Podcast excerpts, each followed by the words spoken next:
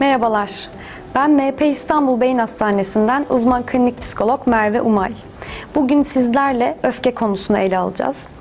Ee, Şimdi ilk olarak ben öfkeye Aristoteles'in kitabından bir alıntıyla başlamak istiyorum. Aristoteles oğluna yazdığı etik kitabında şuna yer veriyor. Diyor ki öfkelenmek çok kolaydır. Herkes çok kolay bir şekilde öfkelenebilir. Ama bu öfkeyi doğru yerde, doğru şekilde, doğru kişiye ifade edebilmek çok zordur. Çok büyük bir erdemdir. İşte bu yüzden herkes bu erdeme sahip olamaz.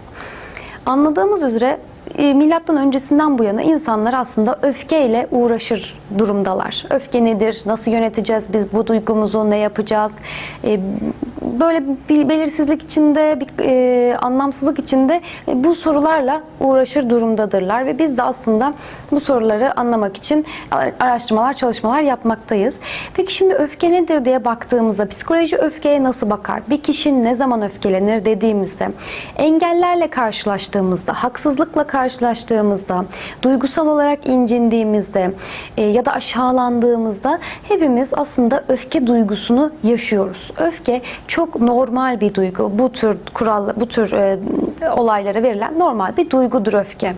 Ama öfke ne zaman ki normal olmaktan çıkar? Biz bu öfkemizi çok yoğun bir şekilde ifade ettiğimizde, kontrol edemediğimizde aslında öfkeyi e, sağlıklı ifade edememiş oluruz ve bu öfke başımıza dert hale gelebilir. Şöyle bir şey yapabiliriz. Şu 5 soruyu sizden düşünmenizi istiyorum. E, eğer ki bu 5 sorudan en az birine bile evet dediyseniz öfkeyle başımız dertte demektir. İlk olarak e, kontrol olarak kontrolünüzü sağlayamadığınızı düşünüyorsanız öfkelendiğiniz anlarda kontrolden çıkıyorsanız. ikinci olarak pişmanlık oluyorsa içinizde ya keşke bu davranışı yapmasaydım, bunu böyle söylemeseydim diyorsanız. Üçüncü olarak işlere yoğunlaşmakta güçlük çekiyorsanız, e, dikkatinizi odaklamakta güçlük çekiyorsanız gündelik hayatınızda. Dördüncü olarak öfkeyle kontrol etmek, öfkeyi kontrol etmek, öfkeyle başa çıkmak için maddeye ya da alkole başvuruyorsanız. Beşinci olarak yasal süreçlerle hukuki olarak başınız derde giriyorsa öfke sizin için gerçekten büyük bir problemdir.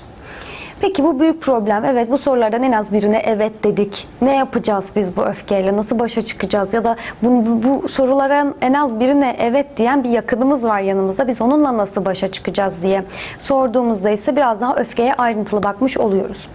Şimdi öfkenin iki türü var. Bir ani öfke bir de böyle hesaplı öfke daha uzun süreli. Ani öfke trafikte karşılaştığımız öfkedir diye örnek verebiliriz. Yani aslında e, farklı alanlarda da öfkeyle karşılaşıyoruz ani bir şekilde ama en barizini trafikte hepimiz deneyimleyebiliriz.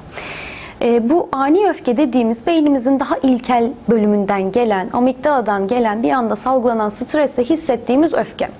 Diyelim ki otoyolda gidiyorsunuz. Karşınıza bir araç çıktı ve bir anda önünüze kırdı sizin şeridinize neredeyse sizin de hayatınızı riske atan bir hareket bu. Ne yaparsınız? Bir anda aşırı sinirlenirsiniz, öfkelenirsiniz, e, direksiyonu sıkabilirsiniz, bağırabilirsiniz, kornaya basabilirsiniz.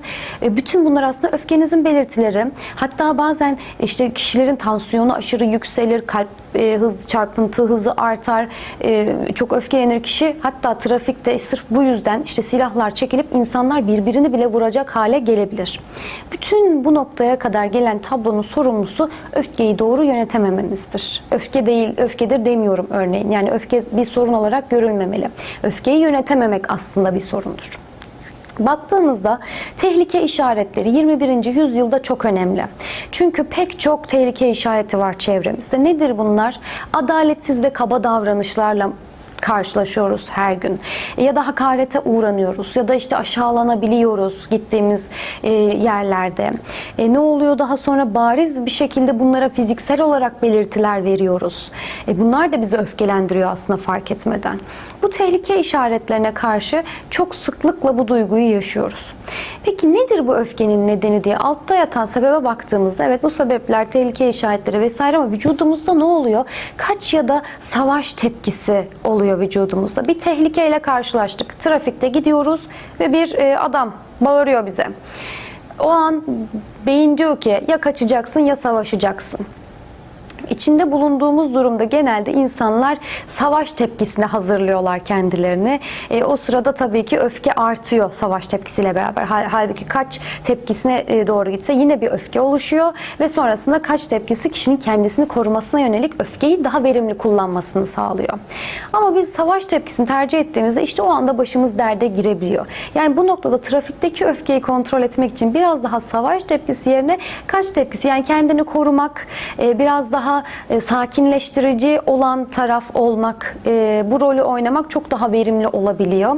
Tabii ki belki de siz haklısınız ama orada hakkınızı karşınızda da öfkeli olan kişiye ispat etmeye çalışmak aslında havanda su dövmeye benziyor. Hiçbir şekilde haklı da çıkamıyorsunuz. Her iki tarafta kendince haklı oluyor. Dolayısıyla verimli kullanamıyoruz öfkeyi. Bu öfkeyi verimli kullanmak için yolumuza devam etmemiz lazım bir şekilde. Ee, sonra bu öfkenin kontrolüyle ilgili yine bu örnekte verdiğim gibi benzer yorumlar var aslında ama iki cepheye ayrılıyor. Bazısı diyor ki öfkeni kontrol et, onu içinde tut, bastır, ifade etme. Bazısı da diyor ki bu öfkeyi kontrol e, etmek zorunda değilsin. Öfkeni kus ya bırak gitsin diyor bazı kesimlerde. Acaba hangisi doğru diye, bilim buna ne diyor acaba diye baktığımızda bilim diyor ki öfkeyi dışa vurmak bir yanılgıdır. Yani öfkeni kus, at içinde hiçbir şey kalmasın. Göster olduğu gibi. İşte bu öfkenin dışa vurma aslında bir yanılgı. Çünkü öfkenizi kusarken yani öfkeyi olduğu gibi ortaya koyarken aslında beyninizde de e, bu öfke dozunu arttırmış oluyorsunuz bunları sergilerken, o öfkeyi anlatırken kendiniz kendinize daha da öfkelendiriyorsunuz fark etmeden ve bu bir kısır döngüyü getiriyor. Çok da verimli bir yere gitmiyor.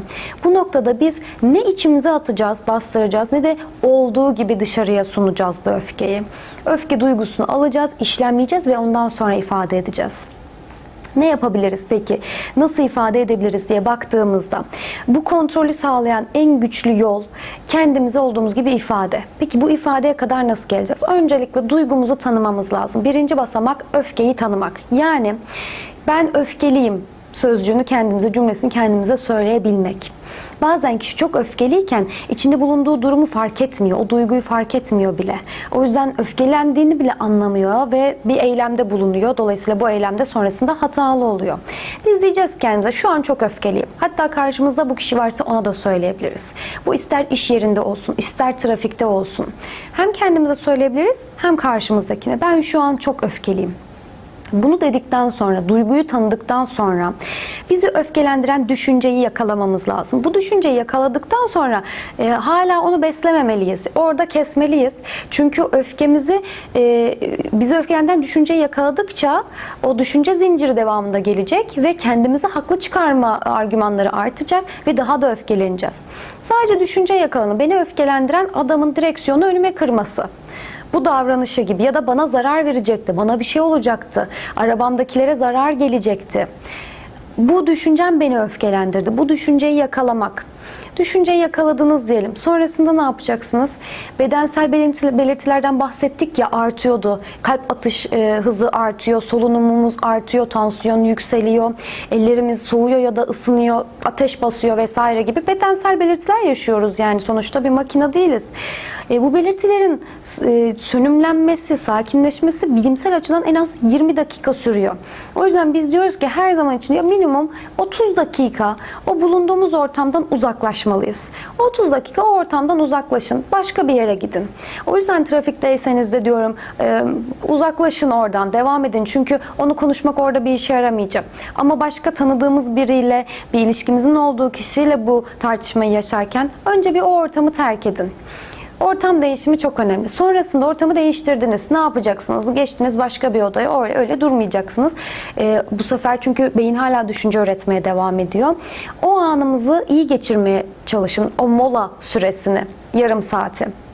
Komik bir şeyler izleyin. Sevdiğiniz bir arkadaşınızı arayın. Kendinize vakit ayırıyorsunuz ve orada sevdiğiniz bir şey yapın. Örneğin vücudunuzu rahatlatmak için nefes çalışmaları yapabilirsiniz. Nefes çalışmasının en önemli kuralı göğüsten nefesi almamak, e, diyaframdan almak. Yani karnınızı şişirerek yavaşça nefes almak, bir süre tutmak ve sonra o nefesi vermek. Bu e, bedensel belirtilerinizin de e, yatışmasını sağlayacak ve bedensel belirti yatıştıkça aslında düşünceleriniz de değişecek. Önce bedenimizi rahatlatmamız lazım. Bunu da yaptınız, sakinleştiniz. Ne yapıyorsunuz sonra? Aslında e, olayı kapatmıyoruz, e, örtbas etmiyoruz. O kişiyle yüzleşin.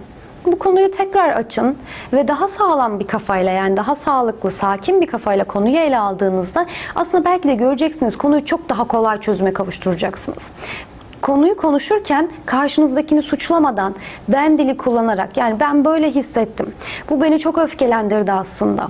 Ee, bunu yaptım ve sonrasında ben böyle bir şey düşündüm gibi kendinize ait şeyleri ortaya koyun ve onlarla ilgili e, yorum isteyin karşınızdakinden. Bu noktada da bu da iyi gelecektir. Çatışma ortamını azaltacaktır.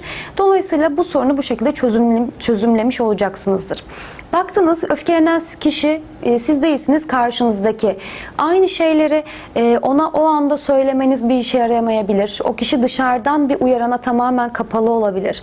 Siz bu sefer o ortamdan uzaklaşın, sakinleşmesini bekleyin ve sakinleştikten sonra tekrardan konuyu ele alın. Yani burada öfkelenen kişi bizsek ya da başkasıysak yapacağımız şey değişmiyor. Aslında aynı şeyi yapacağız. Bu noktada öfkenin ilacı aslında bu basamakları takip edebilmek. Bunları takip etmek için de kendinizi deneyin. E, düşünün yani bu videoda bu e, söylenilenleri düşünün basamak basamak acaba hangisini yapıyorum, hangisini yapamıyorum. Bunları düşünürken bile aslında o yarım saatlik molayı geçirebilirsiniz. O dikkat odağı değişecektir bunları düşünürken de. Sonrasında ne yapabiliriz? Bu e, önemli olarak da şunu örnek vermek istiyorum. Öfke çalışmaları ilk olarak 1899 yılında başlıyor. Bir kişi öfkeyle nasıl baş etmeli diye. E, ve oradaki deneyin bir ifadesi var. Onu paylaşmak istiyorum sizinle. Denek diyor ki 13 yaşındaydım. E, çok öfkeliydim. Öfke nöbetleri geçiriyordum. Ve bu geçirdiğim öfke nöbetleri sonrasında bir gün e, evden çıktım ve yürüyüş yaptım. Kendimi yürüyüşe verdim. Saatlerce yürüdüm. Hava da çok güzeldi ve bu e, yürüyüş sonrasında sakinleştiğimi fark ettim. Eve döndüğümde çok daha iyiydim e, ve bundan sonrasında bu öfkeyle her karşılaştığımda bunu kullanıyorum ve bu bana çok iyi geliyor diye deneyin bir ifadesi var. Bunu kendimiz de uygulayabiliriz aslında. Bu noktada da verimli olur. Ama şunu da söyleyeyim. Herkese yürüyüş iyi gelmez. Farklı şeyler iyi gelir. Kişi kendine ne iyi geliyorsa bunu bulmalı, keşfetmeli. Bu anlamda kendimizi tanımalıyız. Peki diyelim son olarak toparlarken bütün bunları yaptık. E, karşımızdaki kişinin öfkesini yönetmeye çalıştık ya da ona yardımcı olmaya çalıştık ya da kendi öfkemizi yönetmeye çalıştık. Yine de hangi belirtiler olursa bu öfkeyi iyi yönetememişiz anlamına gelir diye bakarsak zihinsel açıdan konsantrasyon güçlükleri varsa gündelik hayatınızda düşük performans sergiliyorsanız, unutkanlığınız varsa bunlar zihinsel açıdan öfkeyi iyi yönetemediğinizin göstergesi. Ee, onun dışında kişiler arası ilişkilerde zorluk yaşıyorsanız, huzursuzluk varsa, çatışmalar devam ediyorsa bunlar gündelik hayatta öfkeyi kontrol edemediğinizin e, belirtileri olabilir. Ya da beden üzerindeki belirtilere baktığımız zaman baş ağrıları olabilir, mide rahatsızlıkları, farklı e, bedensel rahatsızlıklar da bazen öfkeyi kontrol edemediğimiz e, ve bu öfkenin aslında bize, bedenimize döndüğünün göstergesi olabiliyor. Eğer bunları yaşıyorsak, öfkeyi kontrol edemiyorsak, edemiyoruz demektir. Bütün bu basamakları uygulamakta zorlanıyoruz. Aslında çok basit olan küçük küçük şeyleri e, bir anda yapamamamızın bir sebebi var. Onu bulamıyoruz demektir. E, bu noktada muhakkak ki bir uzmandan destek almanız gerekir. Çünkü zaten dışarıda hayat çok zor. E, kendiniz bunu yapmak için zorlanmaktansa biriyle birlikte bu yolda yürüyebilirsiniz bir uzmanla birlikte yürüyebilirsiniz ve çok sağlıklı bir şekilde hayatınızın geri kalanına devam edebilirsiniz. Öfke kontrolü çünkü çok anahtar bir nokta bu yüzyılda. Öfkesini kontrol eden, e, bu öfke duygusunu kontrol edebilen kişi aslında çoğu alanda da kazanan kişi olabiliyor. Bu yüzden biz bu konuya çok önem veriyoruz.